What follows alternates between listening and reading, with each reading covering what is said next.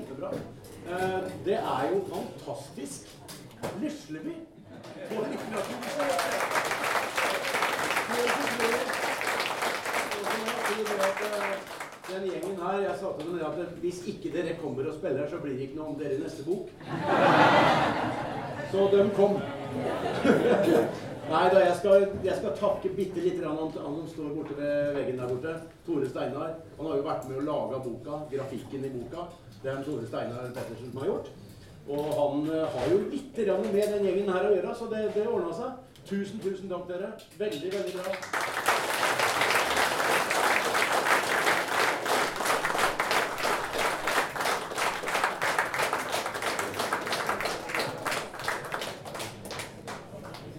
Ja Jeg freker litt jeg mens de driver og går ut. Det er jo da sånn at eh, det har blitt en ganske svær, fantastisk bok om Lisleby. Og liksom bake hvorfor i all verden har jeg holdt på med her greiene her. Altså det, det begynte, For min del så begynte dette her i, i 1999. Da kom jeg i kontakt med Svein Skahjem. Er Svein her, eller? Nei, jeg har ikke kommet ennå. Men i alle fall, da kom jeg i kontakt med Svein Skahjem. Og fordi at uh, ute på Langøya, da jeg hytta mi på Grøterøy, så, så var hytteforeningen der ville at jeg skulle lage et eller annet om hytteforeningen. Jeg hadde skrevet noen sanger og sånn, men jeg hadde aldri skrevet noen sånn historie. Så da ringte jeg Svein Skarheim. og så sier jeg har du noe jeg, tips til meg? Jeg skal skrive om Langøya. Ja, men folk på Langøya masa på meg i mange år for at jeg skal lage bok om Langøya. Nå gjør vi det, sier Svein. Da ble jeg redd, vet du. Men det ble en bok om Langøya. Og så ble det etterpå, så vi solgte ut hele opplaget, og Svein sier til meg at nå må du ikke gi deg, nå må du fortsette. Og et sted som du nå må ta tak i, det er Lisleby. Det er ingen som har skrevet noen ting om Lisleby før. Kom igjen, begynn å intervjue gamle folk. Jeg satte i gang. Begynte med en nesten 100-åring, Anders Andreassen. Og så balla det på seg. Så ble det faktisk to hefter i 2003. Og i etterkant av det så har jeg jo gått og liksom sett at ja, det, den heftene der, det var liksom ikke, det var ikke så like bra som jeg liksom hadde tenkt meg. Men uh, i tillegg til liksom at jeg, kvaliteten ikke var sånn som jeg hadde tenkt meg, så fikk jeg jo så veldig mye mer stoff. Det balla på seg. Og til slutt Jeg hadde tenkt å gi ut mer om Lisleby, men jeg visste ikke helt åssen. Så da i 2017, nå i juni, hvor jeg da hadde samla en haug med stoff, satte jeg meg ned på hytta, kontoret mitt er på Langøya. Da uh, så jeg det at Herregud, Fransen, dette her blir jo en bok på 600 sider. Uh, og da tar jeg en tur til Sveits Skahjem igjen, som jeg snakka mye med, og han sier at du kan ikke gi ut en bok på 600 sider. Du må dele det i to. Og det er det det har blitt nå. Delt i to. Og da Det var litt vondt for meg òg, for jeg har snakka med ganske mange gamle mennesker. Og liksom, da må jeg, må jeg til å si at det, da, det blir faktisk om deg eh, i neste bok om et år. Og, og er, jeg syns det er litt, litt, leit. For jeg måtte bare være hard og dele de to. Og, og, og, sånn er det blitt. Nå skal dere få se litt hvor, hva som er i den første boka. Det kommer masse fine bilder. Gamle bilder. Jeg har fått hjelp av mange av dere som sitter her, eh, til å lage det som nå har blitt den boka som, det, som ligger bak her. Som noen kan få kjøpt etterpå, eh, hvis dere vil det. Skal vi se. Da er det jeg må, jeg må, nesten ordne en ting til som jeg har glemt, og det er å ha en fjernkontroll på PC-en. Det har jeg i lomma mi, så jeg håper at jeg finner den uh, ganske fort. Se. Har du det der? Fordi at jeg, jeg var sikker på at jeg hadde den i, i lomma mi, men nå var den ikke der allikevel. Den ligger her. Da har jeg den. Det er veldig fort gjort. Veldig fort gjort. Sånn. Sånn. Da tror jeg det skal gå bra. Um, jeg må jo bare si det at uh, kona mi sitter her. Og jeg, jeg, må jo bare si det at hun har vært utrolig medgjørlig, altså. For jeg har ikke brukt lite tid på det.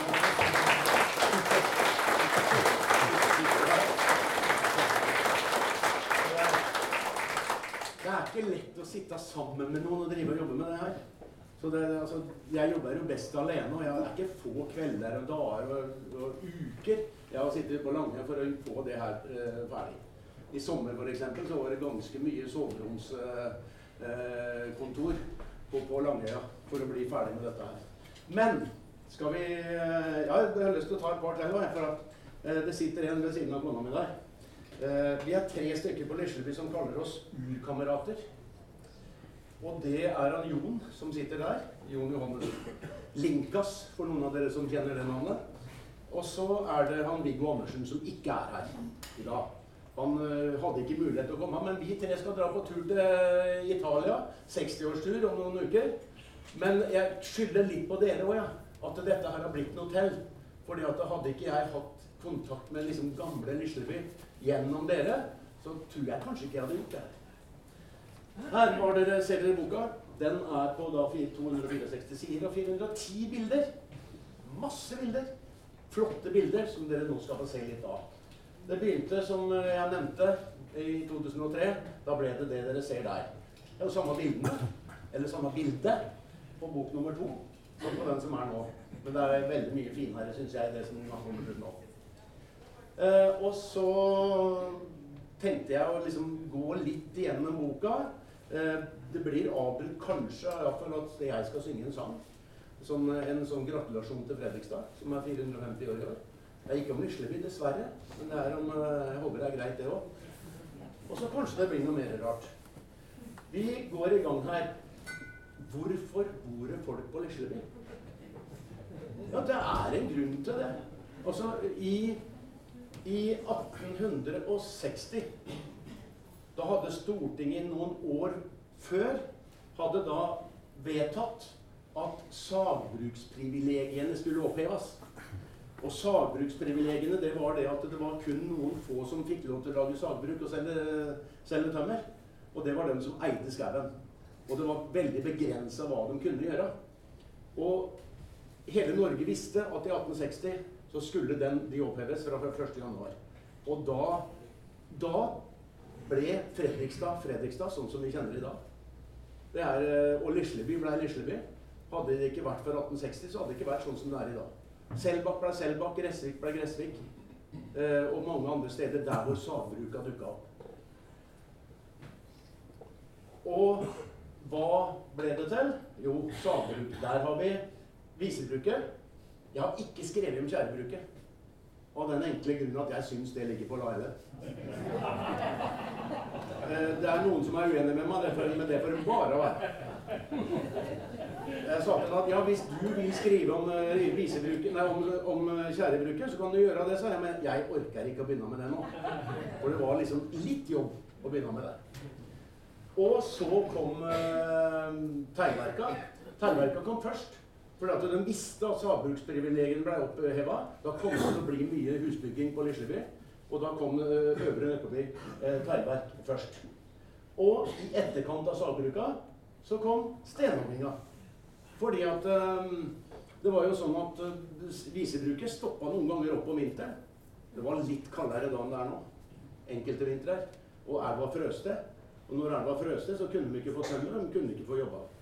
Og derfor så begynte de flere litt sånn store gutter oppe på Lisleby å finne ut at stenhogging, det var noe vi skulle drive med om vinteren. Så de som jobba på visebruket om sommeren, de, mange av dem jobba i fjellet på, i Kjerråsen på vinteren. Det er liksom bakgrunnen for det vi feirer i dag nå på mange måter. Da. At vi er sånn som vi er her i byen nå. Det er 1860. Stortinget bestemte at sagbruksprivilegiene skulle oppheves. Vi går videre. Visebruket. Skandinavias første elektriske lys kom på visebruket i 1877. Og 450 arbeidere rundt det var det på det meste. De var ikke på Lisleby fra før. Det kom flyttende folk fra Sverige, fra indre Østfold, fra husmannsklasser som begynte å bli, bli, bli dårlig. Eh, det kom fullt av folk, og da måtte det selvfølgelig bygges hus. Og så fulgte det med seg butikker og forskjellige håndverkere og masse som, som fulgte med. Eh, skal vi se Så var det den store liksom, historien med 1893. han Søren Lise, som drev visebruket, han var ganske streng, skal vi si det sånn. Og arbeiderne på Lislebybruket, iallfall mange av dem, ville danne fagforening. Og det enden på visa var at eh, 96 stykker ble sagt opp. Fordi de ville danne fagforening. Men han sa jo ikke det, da. At det var derfor. Men det gikk jo til Stortinget, og det var svære bruduljer i hele landet pga. Den, den affæren der. På visebruket i 1893. En av dem som ble sagt opp, det var Lars A. Sørland. Som eh, sitter en etterkommer bak der, ser jeg. Kanskje flere òg. Men eh, han, han, ble sagt opp da, og starta sin egen eh, eget håndverks... Eh, opplegg. Eh, så brant det mye på visebruket. Og det, i begynnelsen så ble det jo bygd av treverk, bygningene. Og når det da hadde brent eh, noen ganger, så, så blei det Da blei det mur. Sånn som vi ser det der. Det Og jeg tar ikke mye med, mye med men eh, det ble jo dårligere tider etter hvert. da. Og på 30-tallet så var det sånn at det Glemmen kommune i samarbeid med arbeiderne Som dere ser der, Arbeiderne lot 35% av lønninga stå igjen som driftskapital for å holde bedriften i gang. Altså de, de, ville beholde jobben sin, og det var ikke alle som hadde jobb i 30-åra. 30 så det var liksom noe de, de gjorde. Neste litt om Hans Ørn Lise, da. Jeg sa han var ganske streng. Han var veldig spesiell. Han uh, var født på Lillehammer. Han uh, fikk 14 barn med Marie Mørk. Uh, det er jo svær familie i Fredrikstad fremdeles, som heter Wiesel. og de kjøpte St. og hovedgård. Det er, er, ikke det den som nå ligger i rundkjøringa ved altså den, Der hvor det var um, Nå husker jeg ikke helt hva det var, men det, det, en sånn losje, var det ikke det? Odd Fellow, ja. Ja, var det. Det er det huset. Er det ikke det? Nei vel. Ålreit. Da, da skal jeg trekke meg fra der. Det var iallfall Sanker Vakosgård. jeg har ikke vært der og tatt, eh, tatt bilder og sånn, så det Og jeg tror vel at han var den strengeste brukseieren i distriktet. Der er noen arbeidere på visebruket, som dere kan se i boka. Jeg har bare bygd navn på noen av dem. Men det var liksom det første jeg har med om Lisleby. Så har vi butikker. Nå går, jeg dit. Eh, og så fordi at eh, i dag har vi Kiwi. Unni har jobba på Kiwi noen år. Eh, men eh, i dag er det bare den. Altså er det et par pizzasjapper på andre sida av veien. Ikke noe Langvik lenger. Men eh, vi hadde vel rundt 25 butikker på Lisleby på 50-60-tallet. Den, den tida der. Nå kommer det noen bilder her. Se om dere kjenner igjen noen. Bare litt sånn gjettekonkurranse. Uh, hvem, hvem, hvem, dette er. Tisteren er veldig bra. Tistedern, Tisteren. Det er det. Og det navnet Tistedern, det kommer fra, fra um, eh, mora til han Carl Tistedern. Hun var fra Tistedern. Og derfra kommer det navnet. Og det var i Lislebøveien 127, så vidt jeg vet. Tvers over brakka, som var uh, Lislebøveien 120. Ikke sånn rundt. jeg har sånn uh, fasit sittende her. Hvem er det? da? Det er Linkas. Altså, han hadde også butikk Søren Linkas. Tvers over der hvor uh, Metodistkirken var. Tvers over veien. Der bodde du! Ikke, ikke, ikke mens han drev butikk. Nei. Huset er det her. Jo da, men uh, den varte ikke så veldig lenge. Men uh, jeg tror han holdt på i en, en 20-årsperiode, kanskje. Ja, hadde veldig mye rart. Alt mulig rart. Ja, ja, ja. Neste butikk er Putte. Helt riktig, Tore. Det er Putte, altså Sverre Sørensen. Men det var jo ikke Sverre Sørensen som egentlig drev butikken. Det var kona. For hun hadde handelsbrev. Therese. Og de begynte først i et uh, sånt uthus nede ved Elvebakke. før de flytta opp i den butikken der, som en eh, kjøpmann Nilsen hadde hatt før dem. Og den som bor da rett ved siden av der nå i dag, det er Jo. Hun sitter der. Søren Putte Sørensen. Svær familie. Det er Jossa, vet du. Helt direkte Ruth. Det var uh, i Lisjeveien 145. Der var det en kafé. Og jeg kaller det bakeri, eller hva vi skal kalle det. Og så var det også eh, selvfølgelig senere en, en frisør der. Jens og Jossa var jo, var jo frisør etter hvert der. Også der var jeg kløpt meg noen ganger. Ja da. Men uh, hvor minste dere ser der, det er kona til Fiksen. Altså, eller mora til han Rune Fiksen. Ja. Som, eh, som da Fiks begynte butikken sin der nede først. I Lislevei 145. Før de bygde hus oppe i Lislevøy allé. Og det var jo også Der! Herlig bilde. Der, altså, dere ser jo ikke noen butikk der. Men hvis dere ser der, så er det en butikk. Det er en butikk det er Nedre Høyumgården. Som, som, da er, eh, ser sånn, så sånn ut. Og det er Solberg. Carl Solberg sitter her med familien sin. Han hadde en bil, men han brukte den aldri. Jo, jo, på søndagstur. På søndagstur. Så folk på Lisleby så at han sykla på Han bodde jo i huset rett over skolen. Gamle skolen i Lislebyveien. Lislebyveien 185. Der bodde Solberg. De bygde det huset. Eh, og, men han sykla på jobben hver eneste dag nede i Nedre Høyengården. Jeg syns det bildet der er så herlig, og du ser Svargangan og Sånn bodde mange mennesker før. Og så kommer det et nytt uh, bilde. Han kjenner, er ikke mange av dere som kjenner. Det er helt riktig, Ruth. Ja, fader, du er flink, altså. Arne Gåhjem. Er det noen som har hørt om det? Fotoforretning på Lisleby.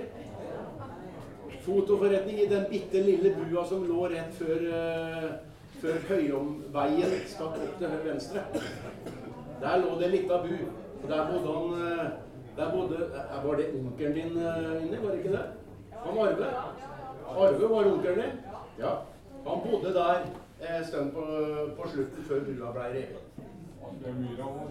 Det var brannstasjon først. Helt riktig.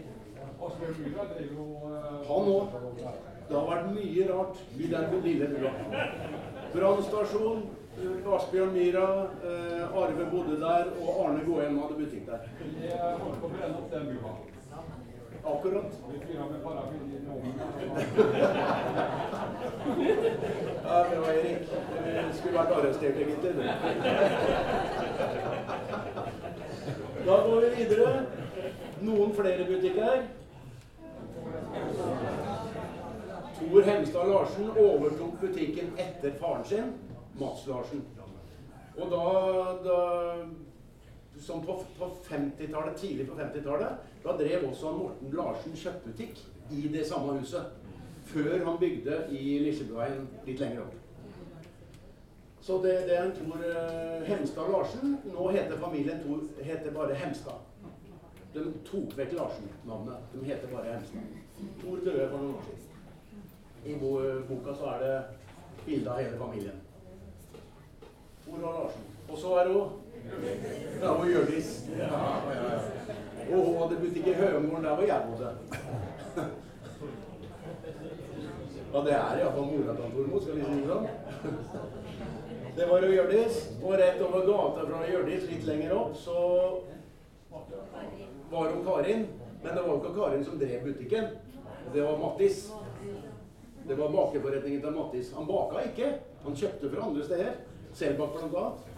Men da kjørte rundt og Da hadde iallfall bakeforretning. Og Karin må jobba der en liten periode. Ikke så veldig lenge. Og så kommer vi til eh, Linkas. Altså Lisleby jern- og farvehandel. Ikke sant? Som eh, Ja, de solgte jo mer enn jern og farve. De solgte jo sykler og ski og eh, sparkstøttinger og sportsutstyr og sånt. Der. Så det var alt mulig rart. Så er han Egil her? Er ikke det? Nei. Ålreit. For det bildet har jeg nemlig fått av han Egil. Og så var det skoforretning i det, den lange tyskerbrakka som ligger der hvor fallet var. Der hvor biblioteket var en gang. I det, det lokalet var det skoforretning. Skoreparasjoner. Og det, jeg hadde ikke noe bilde av det, men Fint Høst Christiansen de drev der i noen år. Og så kommer vi til neste. Flott bilde. Og det er egentlig det er nesten det eneste bildet jeg har av um, Fallet. Uh, der står jo Det er bilen til han Egil Brandt utafor. Og, og Fallet rett bak under persienna. Og så der har vi Der har vi jo mamma. Skal vi si Der har vi jo mamma og mamma. Ja, ja, ja. Det er jo, det er jo Mebel og Gerd. Begge, begge med etternavn Antonsen. Men det bildet der er tatt på Snippen, for Fallet flytta opp, opp, til Snippen før de la ned butikken. Så det var, det var Fallet. Og så kommer vi til kommer vi til han pappa Unni. Det er helt riktig. Posten. Det er han Jonny Wehl. Han var postmester i ganske mange år. Og det er han eh, Finn Navestad, som var postbudet på Lisleby med stor P. Så det var, eh, det var de guttene. Og så Nei, men hoppa vi litt. Kommer mer butikker etterpå. Men jeg kan ikke ha det så kjedelig at det er bare butikker hele tida. Nå eh, Jeg har valgt ut noen personer fra, som har hatt oppvekst og vært fra Lisleby, og fortalt litt om deres historie. Og den første som jeg skriver om, det er vel den som kanskje var født først òg. Den som er for meg en svær helt. Det er Lars Aker. Ja. Eh, det er sikkert mange som vet mye om han, men den slepebåtaksjonen under krigen, hans historiske interesse Og så Da jeg skrev den første boka mi om Lisleby, så kunne Svein Skaien ringt han Lars. For at Lars hadde altså et helt rom full med permer og i den permene så hadde, hadde han vært på biblioteket og, og, skrevet ut av Demokraten og Fredrikstad Blad fra 1900 omtrent og fram til 1950. Artikler som var, var, av historisk interesse. Ikke bare fra Lisleby, men fra hele byen. Og i avisene så var det veldig mye mer sånn, sånne ting før enn det det er nå. Nå er det mest bilder, liksom. Mye, uh, mye tekst. Så jeg har fått lov å bruke et, et minneord om Lars da han døde, som jeg syns var veldig bra. Som en eh, Petter Ringen Johansen. Ja, han skrev et veldig bra minneord. Jeg ringte han og spurte om jeg kunne bruke det. det for jeg syns det var veldig fint. Neste som jeg har eh, Neste helt fra Lisleby, det er han. Det er iallfall én her som vet hvem det er. Det er to som vet hvem det er. Det er han Willy Kekke. Og hvorfor har jeg i all verden tatt fram han? Jo, jeg ble kjent med Willy ikke så lenge før han døde. Uh, Svein sitter der, sønnen til han Willy. Og Britt sitter her òg. Ja, det er svigerdattera. Men ja, han Willy hadde så lyst til å ha besøk av meg. For jeg hadde jo skrevet om Lisleby. Og så satt vi og prata lenge, og så kom det jo fram ganske mange fantastiske ting. Eh, han Familien hans var jo ganske De var med på litt av hvert under krigen. Eh, aksjoner her og der. Og det var ikke sånn at broren til Willy ble arrestert fordi at han Han, eh, han ønska at Lisleby fotballklubb skulle være med på idrettsstreiken. Om de, hvorfor de ikke var med, det vet ikke jeg. Men i alle fall så har vi et uh, I boka så står det da et ark eh, fra tyskerne Eh, hvor han da ble satt i fengsel i 60 dager. Og etter hvert så fant han Lilly ut at det, her kan ikke jeg være. Så dro han sammen med to Lisleby-gutter ned til rett her nede. Over elva og over Kråkerøy. Stal Eke.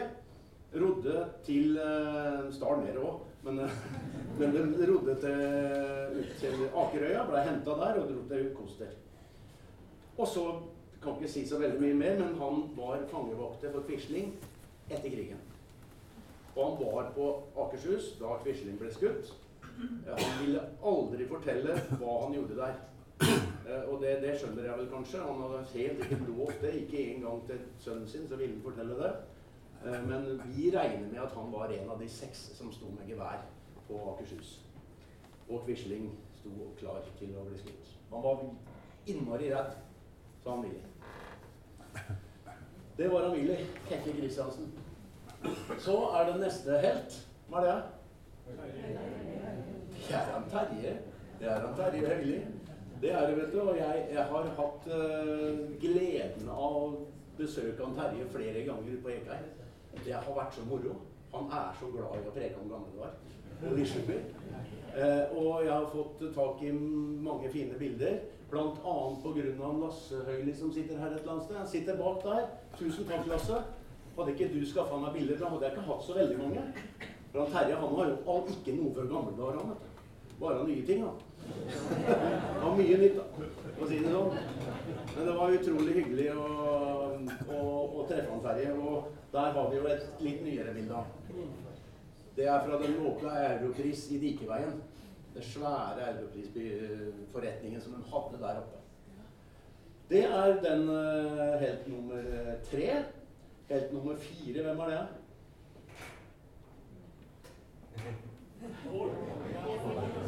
Er han Pål? Pål Pål Nilsen? Nei, nei, nei, nei, nei, nei.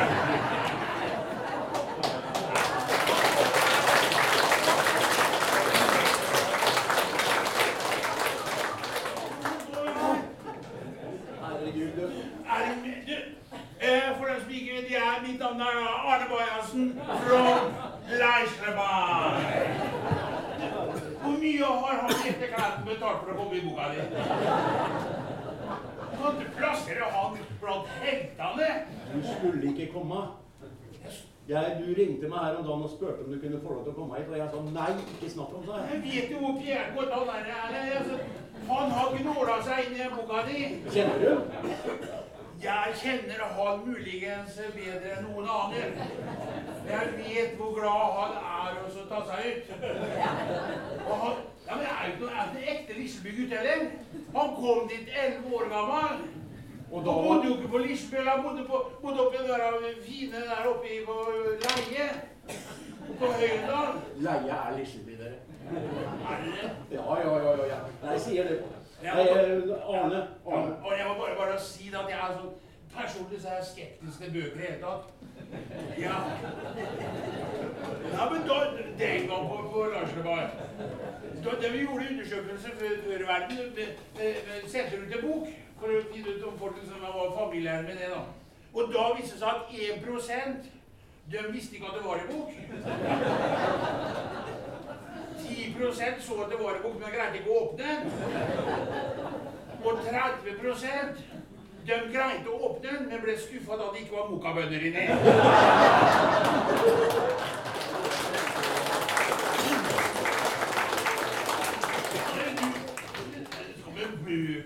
Jeg, jeg har, jeg har e-bok som jeg faktisk har lånt på Larselberg, bibliotekfilialen. Da han, eh, Ragnar Pettersen var uh, filialbestyrer her. Og å ha befatning med bøker var farlig. Du så åssen det gikk med han. Han ble ordfører. Ja.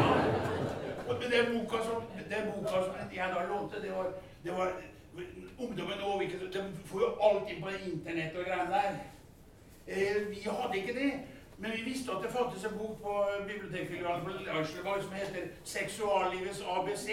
Og vi hadde hørt rykter om at i den var det bilder. Og vi, vi bare lånte den. Og spenninga var stor da vi kom hjem. Å, begynte å bla i den vet du, etter bildene. Men skuffelsen var stor. Jeg kan si, Da vi liksom kom til den aller innerste hemmeligheten Du kan sikkert ikke se det, men spiller ikke rolle. Da var det her det bildet vi fikk. En strektegning. Det ser ut som en sånn sjøkart over Hvaler. Med fredagssøl i midten.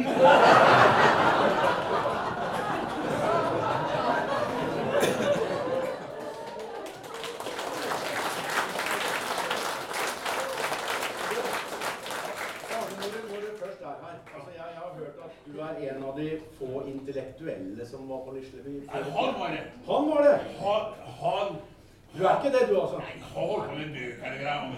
Han, han, han, han også kameraten hans, han Svein Andersen, som ikke er med oss lenger, dessverre.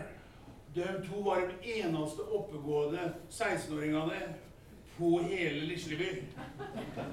Vi Nei, vi, sier jeg. Død! Det leste bøker, skrev dikt. Og på loftet til han Svein så tok vi tøyrulla til bestemora hans. For da hadde grafikkbiennalen begynt. Så laga vi trøkk. For da skar vi mønsteret inn i trerullen.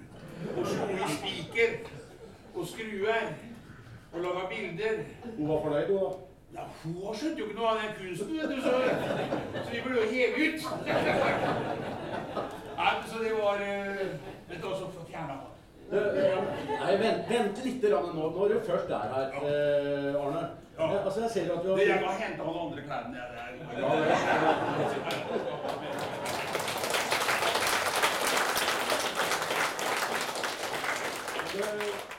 Du, du forteller meg at eh, du flytta fra Seiersten skole Ja. og opp til Nøkleby, og du sier at det var som å lande på månen. Det var det. Jeg kom fra Seiersten skole på Stranda. Og det var litt sånn røft miljø. Jeg husker vi hadde jo, vi hadde jo en av Madsane som, som sanglærer. Han spilte fele, og vi sang Mats Bergs sangbok. Og de fleste av guttene i klassen jeg gikk i, de dret jo i alt. Så de hoppa ut av vinduet. Det var sangtime, bare var borte. Og merka det ikke engang. Ja, Han dret i han det? gikk og spilte og- Han dret jo i det. Men da begynte jeg på nøkkelhusskole, og det var, det var som å komme til en helt ny verden. Eh, det jeg huset fra første dagen, det var eh, Terje Rubak med rødt plastikkslips. Og en forferdelig høyreste han måtte være på. Og da ble jeg redda av han her. Per Greger Andreassen. Og da var jeg en sånn trygg far som viste meg rundt åssen du skal oppføre deg i sammenhenger. Eh, og så ble det jo Så fant jeg at Lisleby var jo litt mer delt enn det, da. Det var jo litt klassedelt der òg. Vi som liksom bodde på Lislebyveien og nedover mot stranda og sånn. Ja, jeg rota meg en gang over, eh, over jernbanen. Nøkkelby? Ja, over jernbanen på gærne sida ned der. Og da fikk jeg juling av Steinar Berre.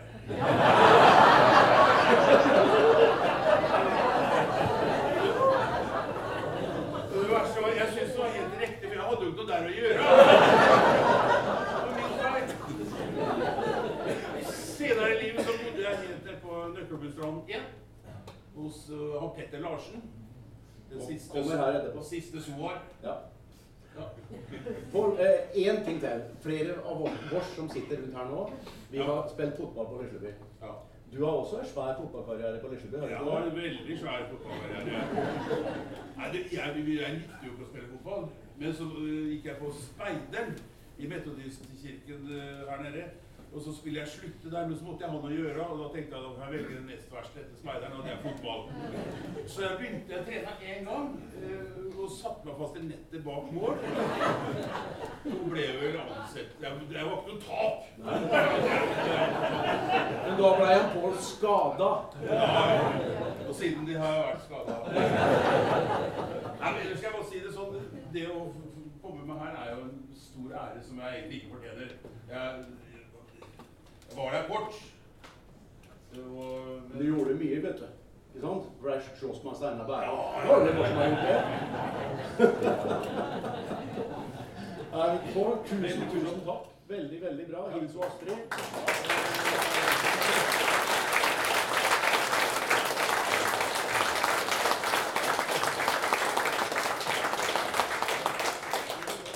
Og neste gang dere ser på så må dere tenke på han Pål at han er egentlig fra Lesjeli. Eh, hæ? Nei, nei, nei. Men det, det er litt morsomt, syns jeg. da. Ålreit, vi går litt videre. Eh, det var han Pål som dere skjønte, og Arne Bajassen. Og det er faktisk en kar fra Lesleby som han Pål så i oppveksten. Eh, Arne Bajassen. Det er en virkelig person, men han, eh, han vet ikke helt hvem det var. Men det var, var en sånn bøs type som ligna litt på en Arne. Eh, du vet ikke hvem det er, Pål, ikke sant? Har ikke noe navn på han. Skal vi ta det nå med samme? Ja, det, er, det er jo litt sånn når du driver med sånn Vi henter jo mye figurer sånn fra virkeligheten. Så det er jo sikkert flere her som er revyfigurer. Og da blir det Nei, da skal de, skal de ha royalty og sånne ting. Så vi dropper det. Nei, jeg har noen sånne kandidater i huet mitt. Som det kunne ha vært. Veldig kort info. var- Og Øyvind opplevde det Men den Raimond-figuren og preker og sånn. Og da kommer jo en av modellene til Øyvind fram til han og sier at Øyvind, er det meg du ikke stemmer?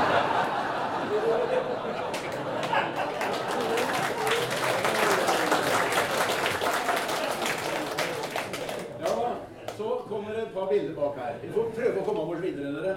Eh, Det er, eh, Hvis vi går over jernbanelinja oppe ved stasjonen, så kommer vi til det første gården, gårdsbruket til venstre oppe Evje- Evjeveien. Det er, eh, De har faktisk eh, ikke spilt fotball. Og det, det syns jeg var litt morsomt, at jeg fikk tak i folk som ikke var fotballfolk og ikke hadde håndball eller sånne ting som vi alle drev med der. Det er familien Nøklestad, som har drevet med hesteoppdrett og hatt mye svære, altså gode hester eh, mange, mange ganger. De ga seg nå for en, ja, en rundt ti år siden. Og det er han Per Arne som står i midten der, som har vært kusk og vært hestetrener. Eh, som kan du si har eh, vært den som har vært mest aktiv. Det er en Per Arne som, som eh, kjører i sulken der. Jeg husker ikke navnet på hesten, men det står i boka. Men de har iallfall hatt mange gode hester. For det er de som eh, driver med hesteoppdrett, de får samme premiene som de som kjører. Altså, så, så de har fått en hel del svære premier opp gjennom uh, åra. Vi går tilbake til uh, flere butikker. Og her har vi Kjøtt-Larsen. Morten Larsen. Altså, Så mye kommentarer har jeg vel neppe sett på Facebook-sida noen gang som da jeg la ut det bildet der. Det var så mye gode varer, og folk som savna både det ene og det andre. At det eneste som kunne komme opp imot det, var Kleven. Så, så det var liksom Morten eh, Kjøtt-Larsen og Kleven som liksom var den store. Vi går videre. Er det noen av dem her?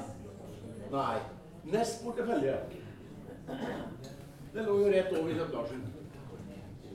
Og de eh, jentene driver faktisk med det samme enda. Ikke på Lisleby, men de driver vel i, der i Torby. Er det ikke det? Og så driver de også på Liertoppen, så vidt jeg vet. Butikk der inne. Så er det meieri. Jeg aner ikke hvem det der er på det bildet der, men det er et eldgammelt bilde fra meieri, altså oppe ved Rea Pelsenfabrikk. Det gamle huset som ligger i Rea Pensen fabrikk-komplekset. Det er eh, meieri. Eh, og så har vi bakerne over alle bakere. Tenk deg at oppskriftene liksom har blitt borte. Det er mange som har etterlyst oppskriften på horn. Og på, det, det er altså Det det er kjempesynd. Men eh, det bildet der ble tatt av en av avisene rett før han la ned. Lurer på om det var i 1982 som dette skjedde. Det står i boka, men jeg har ikke alle årstall i hullet. Men det var altså han Birger Kleven som hadde bakeriet i kjelleren. Og, og hva heter hun igjen, Hun kona hans? Hun heter um, Hildur. Hildur. Hun sto i butikken sammen med noen andre også. Vi går videre. Vet dere hvem det er, da? Hæ? Det er jo Marie. Marie på meieri. Altså i Rea Penselfabrikkgården. Der var det lenge en butikk. Og det der er det eneste bildet som jeg har klart å få tak i av Marie. Takk til Lasse igjen. Lasse Høili. Fordi at hun, hun er jo, var jo borti ikke tanta di. Søstera til Jens. Søstera til Jens ja, søstera til han bestefar. Ikke sant? Ja, det var jo Marie. Som da drev i, eh, i Rea Penselfabrikkbygningen. Vi går videre til eh, noe som jeg ikke har bilde av. Jeg har en annonse. Triangel magasin. Merkelig hus.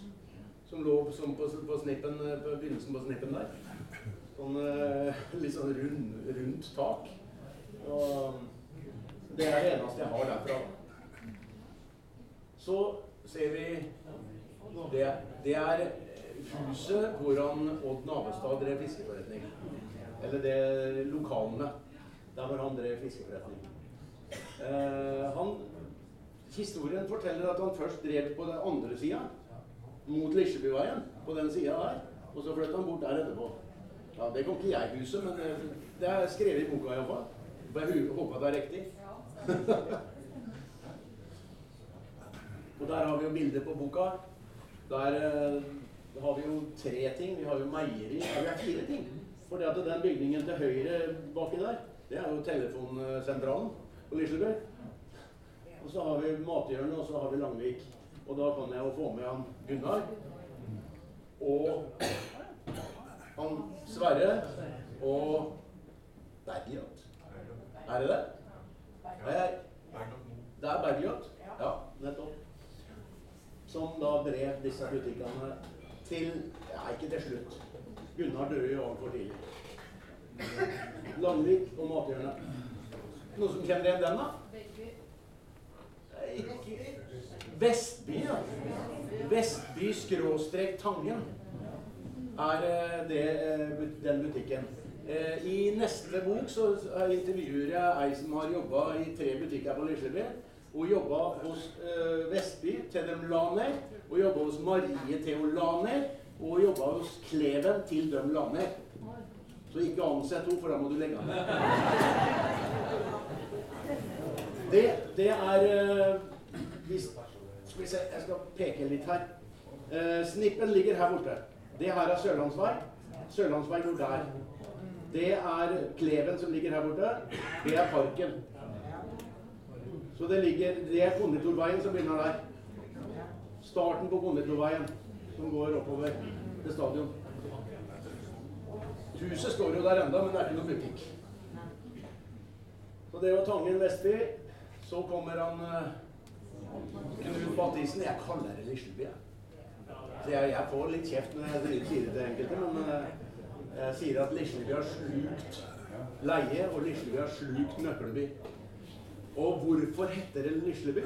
Min teori, det er at eh, altså, hele det stedet som vi liksom kommer fra, det har jo blitt kalt Lisleby på, i, i lang tid. Og jeg mener at det starta da Lisleby fotballklubb var en av de aller beste i landet. Og det var på, begynte i 1929 og hele 30-tallet. Så Lisleby fotballklubb var jo i fire eller fem semifinaler i cupen i løpet av eh, 15 år. Så de var kjent over hele landet, og derfor så mener jeg at Lisleby ble navnet på, på stedet vårt. Lisleby er jo egentlig den lille gården. Nøkleby er den svære gården. Og Nøkleby var jo mye større områder enn Lisleby, egentlig. Men eh, ble, jeg tror det ble Lisleby pga. fotballklubben. Så det der er ikke på Li- Lisleby, det er på leie, skal vi si det sånn. Nesten på Høydendal. Nei da. Det er eh, Knut Mathisen i, på Råksveien leie da, i krysset der. Så er det nede på Nøkkelbystranda. Pinnerød. Jeg har ikke klart å få tak i noe bilde av Gerd, dessverre. Eh, ikke noe godt bilde av henne. Men den de drev jo fram til ja, rundt 1970, tror jeg. Slutten av 60-tallet. Og så er det to her. Solberg på Nøkleby. Ikke sant? Kjøttforretning. Hvem er det som har jobba der? Har du jobba på i butikken? Ja vel. Nettopp, ja. Ja. Akkurat. Der har vi iallfall søskenparet. Og ja, dere kan lese det i boka og litt mer om det.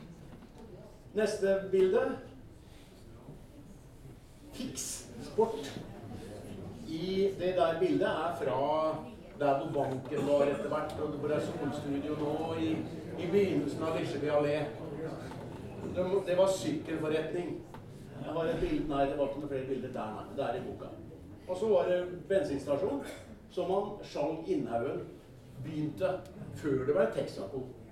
Jeg husker Texaco, men så var det OK før den uh, Texaco-stasjonen. Og det er jo da i enden av Søren Klebos vei. Krysset mellom Søren Klebos vei og Lisleby allé. Det var sånn min navn. Vi går videre. Ruth, nå kommer hjemstedet ditt. Kjenner du deg igjen? Det er brakka i Lisjebyveien. Der eh, bodde mine oldeforeldre da de kom flyttende til Norge. Svein Skaien fant ut at den kom hit i 1879. Uh, og her fikk jeg høre i stad en som sa at de kalte bestefaren min for Niman. Nei, det var ikke noe kalling, det, sa jeg, han hette Niman. Som mellomnavn. For han var nummer ni i familien. Fransen. Og her har vi mora til Ruth. Ikke sant? Bestemora til Wenche. Jeg skal si deg, det var mye. Det tror jeg der. Du hadde ikke mobiltelefon og data og sånt da, vet du. Ikke sant? Var ute. I brakka. Det er tanta mi. Det var Ragnhild.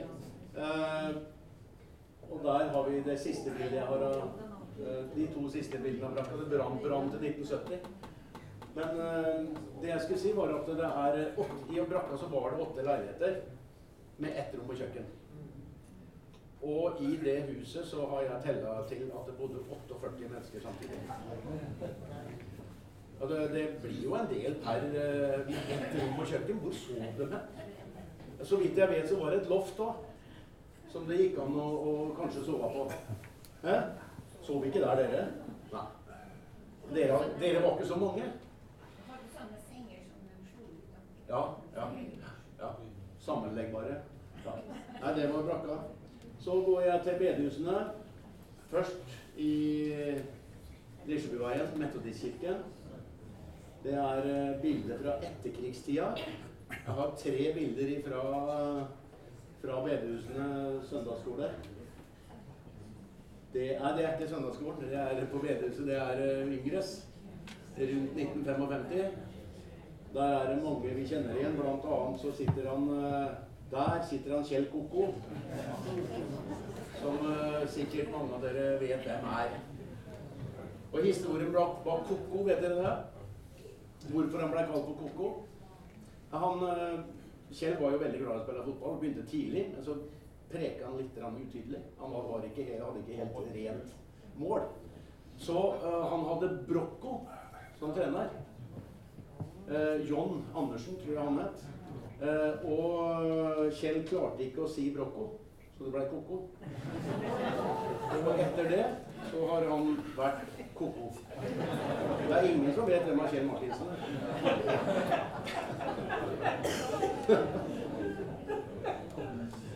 Der har vi bedehuset, sånn som det er nå. Er det ikke sånn omtrent det ser ut da? Er det ikke? Ja, sånn cirka. Den, den tegningen er vel noen år gammel. Men jeg syns den var fin, da. Og så kommer eh, det siste bedehuset, som er Soar. Og vet dere at eh, Søren Vise, som jeg nevnte, han, han ga penger han, til å bygge det bedehuset. For at det var så mye fyll og spetakkel. Altså Arbeiderne drakk og, og surra så fælt. Så han ga penger til å bygge, den, bygge det bedehuset eh, 1880, rundt det cirka. Ja. Ja. Eh, han hadde 14 unger. Og jeg har ikke navn på alle ungene, men det er svær slekt etterpå. Ja. Ja. Garantert at det var en i familien. Men om det var barn eller barnebarn, det, det vet jeg ikke. Men det var mange i fall som het det. Annet dattera til Stabbur Nilsen gifta seg med Kai Wiese. Det er jo i familien. Ja, ja, det er sikkert fjerde generasjon, tenker jeg. Men der har vi fra rivinga. Jeg har fått en del bilder av Erik Viggo Larsen i Demokraten. Det er fra rivinga på Soar. Og der har vi svig... Nei, nei, åssen blir det her igjen, da? Svigerbestefaren til Pål. Svigerbestefaren til Pål. Det er han Carl Larsen. Nei, bare, nei. Petter Larsen. Petter Larsen. Petter Larsen. Han var den siste Soar-kar som da låste døra for siste gang før de, før de rev dem. Og han bodde da i Nøkkelbystrand 1. Lisjebymusikere stoppa der hver 1. mai, for da han bursdag. Ja, akkurat. Utafor han Petter. Så flott. Kjempebra. Ja, ja, ja. Nå er det vel noen som kjenner igjen enkelte ting her, tenker jeg. Eh, jeg satser på at han Ragnar eh, vet litt om dette her. Jeg har skrevet ganske mye, og jeg har fått det kjempefine bildet oppe til venstre her. eh, Av bussjåførene i Drøbak. Jeg husker ikke helt hvilket år det er. Da er det 60 Det er slutten av 50-tallet. 50- og 60-tallet. 57, tror jeg. Hæ? Jeg tror det er 1957. 57, ja. ja. For da var det jubileum? Var det det? Ja. Nettopp. Ja, det var jo eh, de første bussene i Fredrikstad. Det var eh, fra Drøbak. Uh, og historien sånn De hadde først bestefaren til, til Ragnar.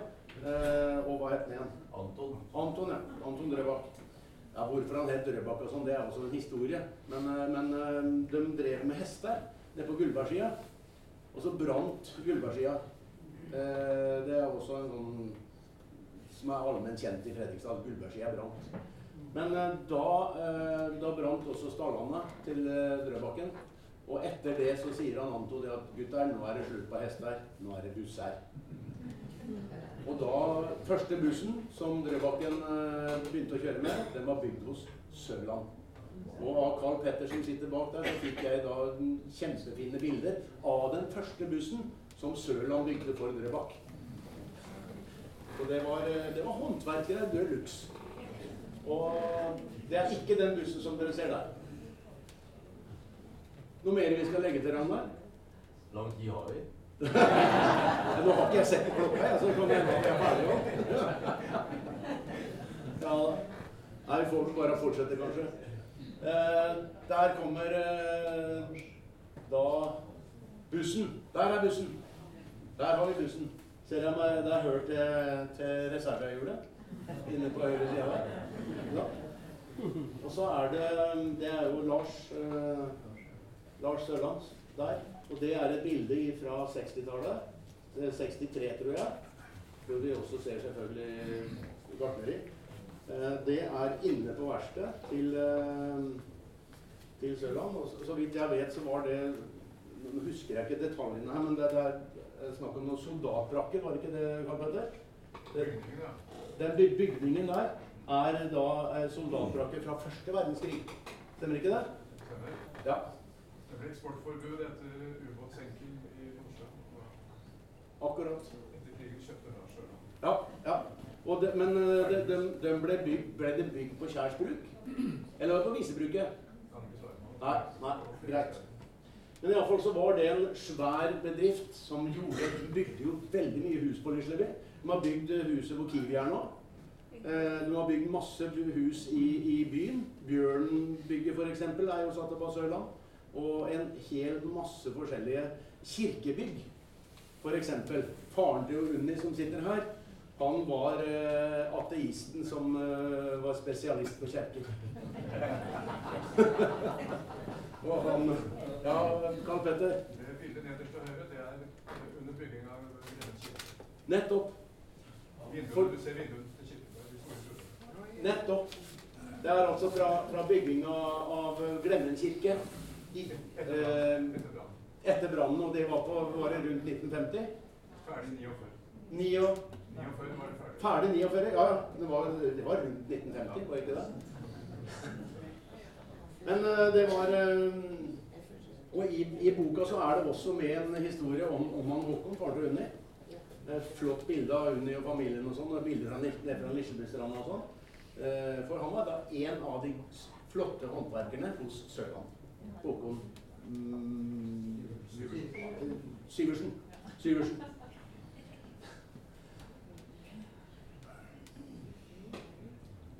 Her har vi Real Penselfabrikk. Den blei bygd i 1950. Så ser vi er klokka blitt nå. Har jeg brukt altfor mye tid? Det er klokka to. Å, kjære noen. Nei, forte meg. Da bare sier at det er Real Penselfabrikk. Eh, Bildene der, der, det er malt av Pedro. Maler den berømte tegneren i, i VG eller Dagbladet nå. Så går jeg videre til uh, det, den oppe i Bergveien. Han eh, Oskar Solgaard. Det er eh, Det husker jeg sikkert noen av de som bodde i nærheten der. Og de gikk dit for å, kjøpe, for å få, få piler til pil og bue. Ja. Så skal jeg synge litt. Klokka går så fort. Har dere veldig travelt, eller? Rekker litt til? Du skjønner at jeg Det er jo sånn at det er jubileum nå. Jeg har ikke skrevet noen sang om Lisleby, men jeg har skrevet en sang om Gamlebyen. Og den er, er noen som har sagt at de syns den er innmari fin. da. Derfor tenkte jeg kanskje det at jeg skulle ta den nå. Og da skal jeg stå her nede og gjøre det. Vi se. Det er ikke alltid jeg er huseren, men eh, for, som regel så gjør jeg det. Og dere kan gjerne være med og synge når vi kommer til refrenget. Det handler om historien, eh, historien bak Gamlebyen, historien bak Fredrikstad, og hvordan det var der, skal vi si, sånn på 60-tallet. Det er liksom, jeg har gått tilbake til 60-tallet eh, i forhold til Gamlebyen. Så det er en del ting her som skal vi se, Vil du, Tore, da også trykke når, jeg- når jeg er ferdig med når jeg er ferdig med det arket der? Trykker du til høyre? Greit? Flott. Da var jeg litt her eller? Så bra. Der hvor elva delas i to, går ferja fra vest og til øst. Du reiser fra bystress til fortidas ro. Der finner du fort en slags trøst. Du teller av ferja og står der og glor. Ser vollene kler seg i grønt. Det er trea som blomstrer og gresset som gror. Det er sommer og alt er så skjønt. Så bli med en tur hit til vår gamle by. Et streif gjennom hundre av år. Se husa som var her da byen var ny. Den ber om respekt der den står. Kong Fredrik befalte, la byen ligge her. For i Sarnheid er nøkkelen til å bo. Så skål for en by vi har inderlig kjær. Her får vi vår livsgnist og tro. Du ser at byen lever og rusler av sted. På tannmuren der kikker du inn. Der sitter noen kæller og preker om det, at polet er tomme for trinn. På vekst der står det noen unger i kø. Det er softis og strø den skal ha. Du kjøper noen boller og gårsdagens brød, og snart blir nok emnene glad. Så bli med en tur hit til vår gamle by, et streif gjennom hundrer av år. Se husa som var her da byen var ny, den ber om respekt er en. Kong Fredrik befalte, la byen her, for i Sarpsborg er den nøkkelen til å bo. Så skål for en by vi har inderlig kjær. Her får vi vår livsgnist og tro. Ved Vindelbrua,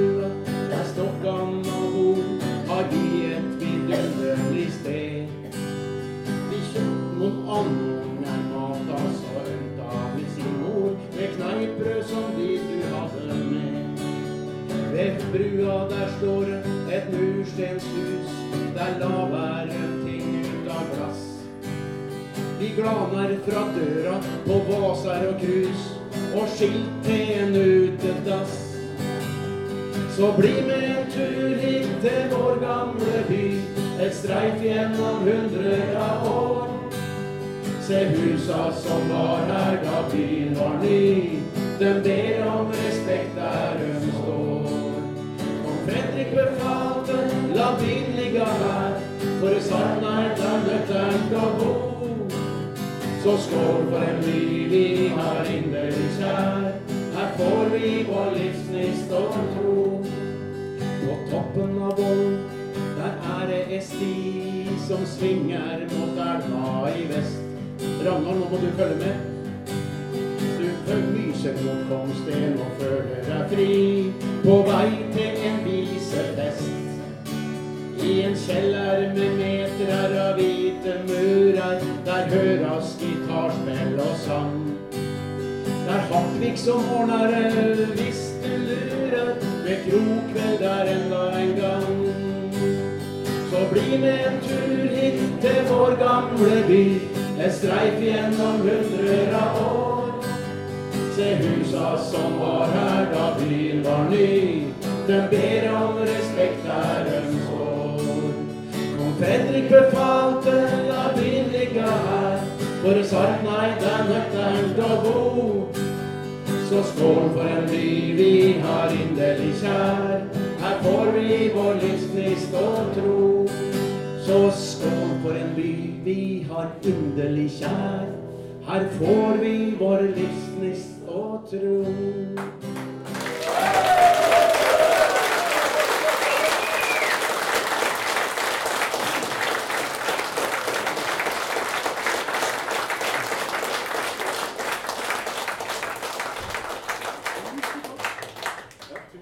Tusen. Tusen, takk. Er jeg lyd nå? Ja.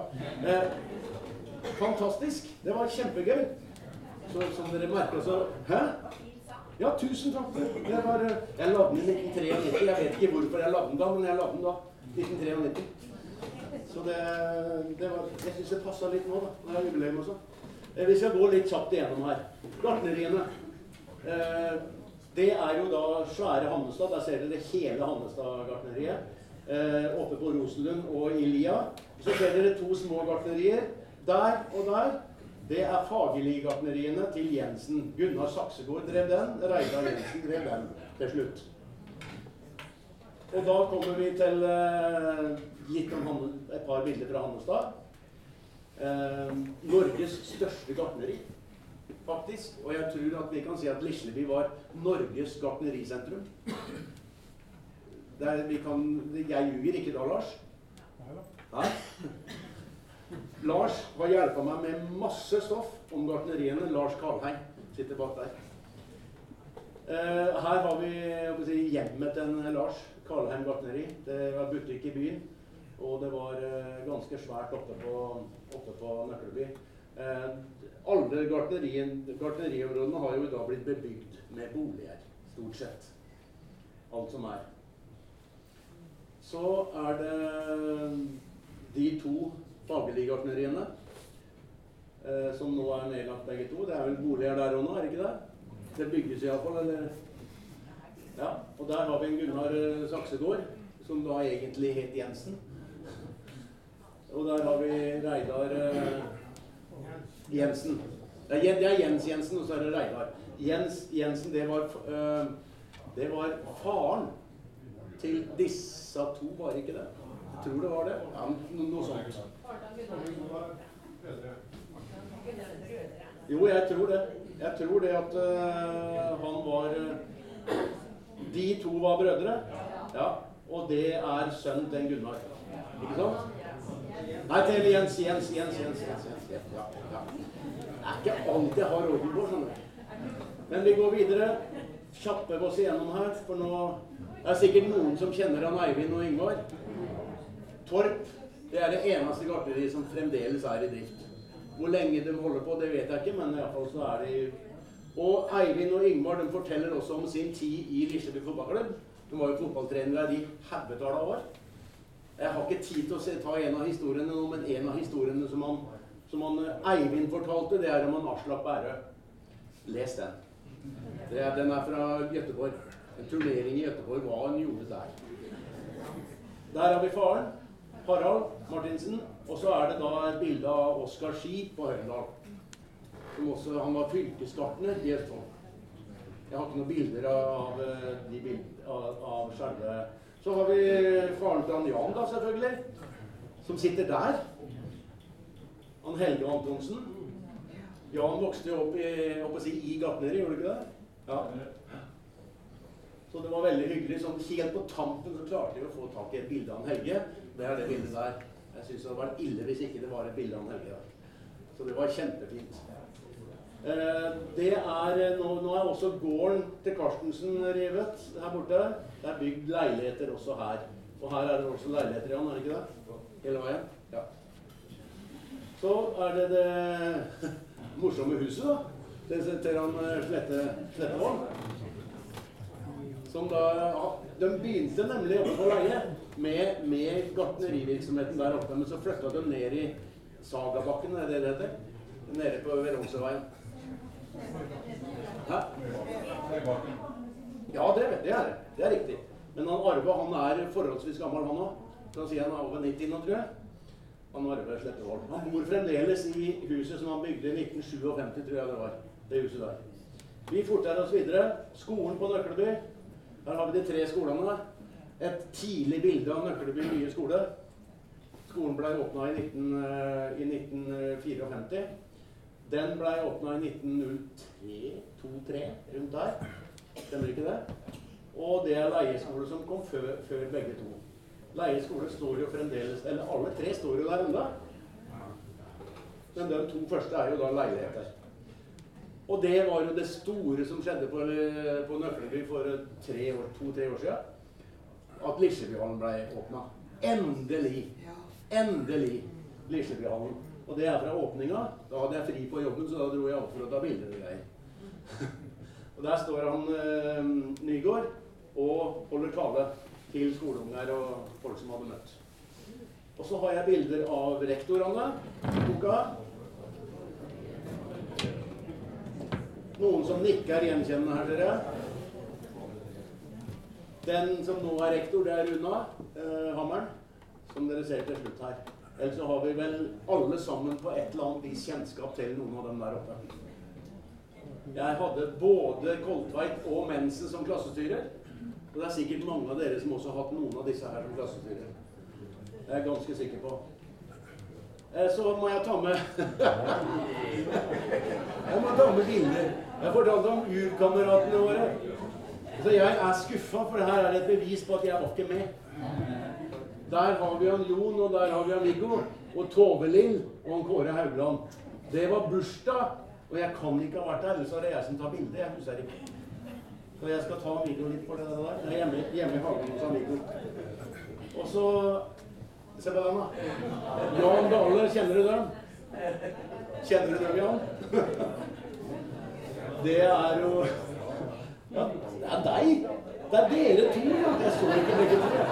Kjære dere sitter her begge to, jo. Herlig. Anne Grete og Bente utafor eh, Rett bortafor Fallet. Herlig bilde. Fra ca. 1964. Ja. Kjempebra. Og så er det meg, da. Måtte ta med bilde av meg òg. Det er i hagen i Høyengården når jeg hadde bursdag. Jeg tror jeg hadde flere på besøk, men det er fetteren min. Som nå er dessverre død. Men det er i, du ser jernbanelinja bak. Så ser du de gamle tomtene til kjære Det er Visebruket på baksida der. Nede i, i Høyengården. Så er det bare helt til slutt. Neste år så kommer det forhåpentligvis en bok til. Hvis det går med overskudd nå. Og da, der er det litt om hva som kommer. Jeg skal vise dere noen bilder til som kommer til å være med i den andre boka. Eh, mye om Lisleby fotballklubb, og om Lisleby-musikk som kom hit, så jeg må skrive om det. Eh, jeg trenger vel ikke si hvem det er, kanskje. Det er jo Berit og Karin. De har jobba i alt som er av butikker på Lisleby. Så et, et, et, et, felles intervju med dem kommer neste år. Det er jo Ingeborg som jobba hos Kleven og hos Marie og hos Vestby til de slutta. Alle sammen. Og bor i nå i Sletteveien. Kari Mette har jeg møtt og skrevet om, eh, om henne. Mora og faren og det var, var oppe på leie. Og det var på leie. Jeg spurte Kari Mette hvor hun var fra. Om hun var fra Lisleby. Nei, jeg er fra Leie. Da ble jeg litt skuffa. Der er det eh, noen som har gått på skøyter. Eva Gunnerosen og Roar Josefsen. Eva heter ikke Gunnerosen nå, men nå heter hun husker jeg ikke helt. Hilmarsen. Hilmarsen, ja. Helt riktig. Ikke herlig? Se på det lune. Ellis. Ellis Jensen, Arild Andersen og Reidar Kristiansen. Som, eh, og den jeg skriver om til neste år, som var skøytetrener på Lisleby, det er Ellis. Han skal få sin historie neste år. Er det noen som vet hvem det er? Gjør det? Akkurat. Erik Ikke hans historie, men det, det, er jo hans historie likevel, men han døde jo så tidlig at jeg fikk ikke snakka med ham. Og så er det han, eh, han Finn Andersen som overtok etter han Erik. Vaktmesterne på stadion. De kommer neste gang. Der har vi Lisleby fotballklubb i 1966. Torbjørn, er du her? Torbjørn Olsen? Syns jeg sånn her, jeg. Nei vel.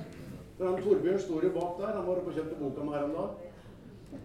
Og det er da 1966-laget. Det kommer det mye om i neste år.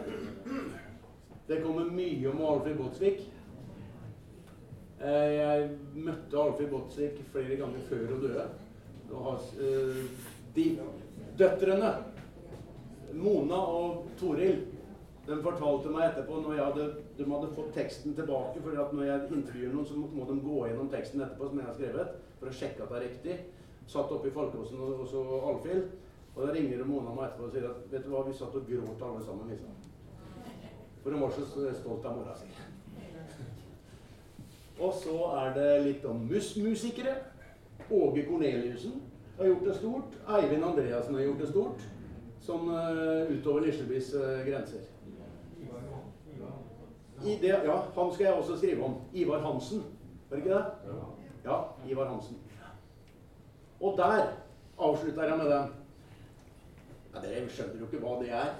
Men det er en kontrakt. Det er en kontrakt på reklame på Lisleby stadion.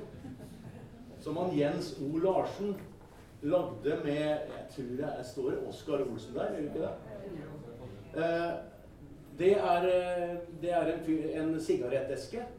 Vranga på en sigaretteske som den vrengte rundt, og skrev under eh, avtale om reklame på Lisleby stadion. Det står 6000 kroner, tror jeg, per år. Eller 600, jeg vet ikke hva det her. Men her er det noen fine navn. Se på den her. Jørgen Juve. Har du hørt om han? Han var stor i fotball i, i Norge, men det her er et veldig veldig godt eksempel som da barnebarnet Terje Høili har, eh, har fulgt opp.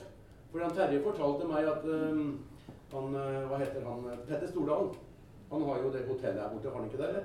Det Er det ikke han som driver det? Eh, kontrakta på leie av hotellet der borte, den skrev han Terje og Petter Stordalen på en serviett i, nedpå Marbella. Som har liksom tatt over etter bestefaren sin, som da skrev reklamekontrakt på den der. Da tror jeg ikke det var noe mer. Nå må vi nesten slutte, må vi ikke det.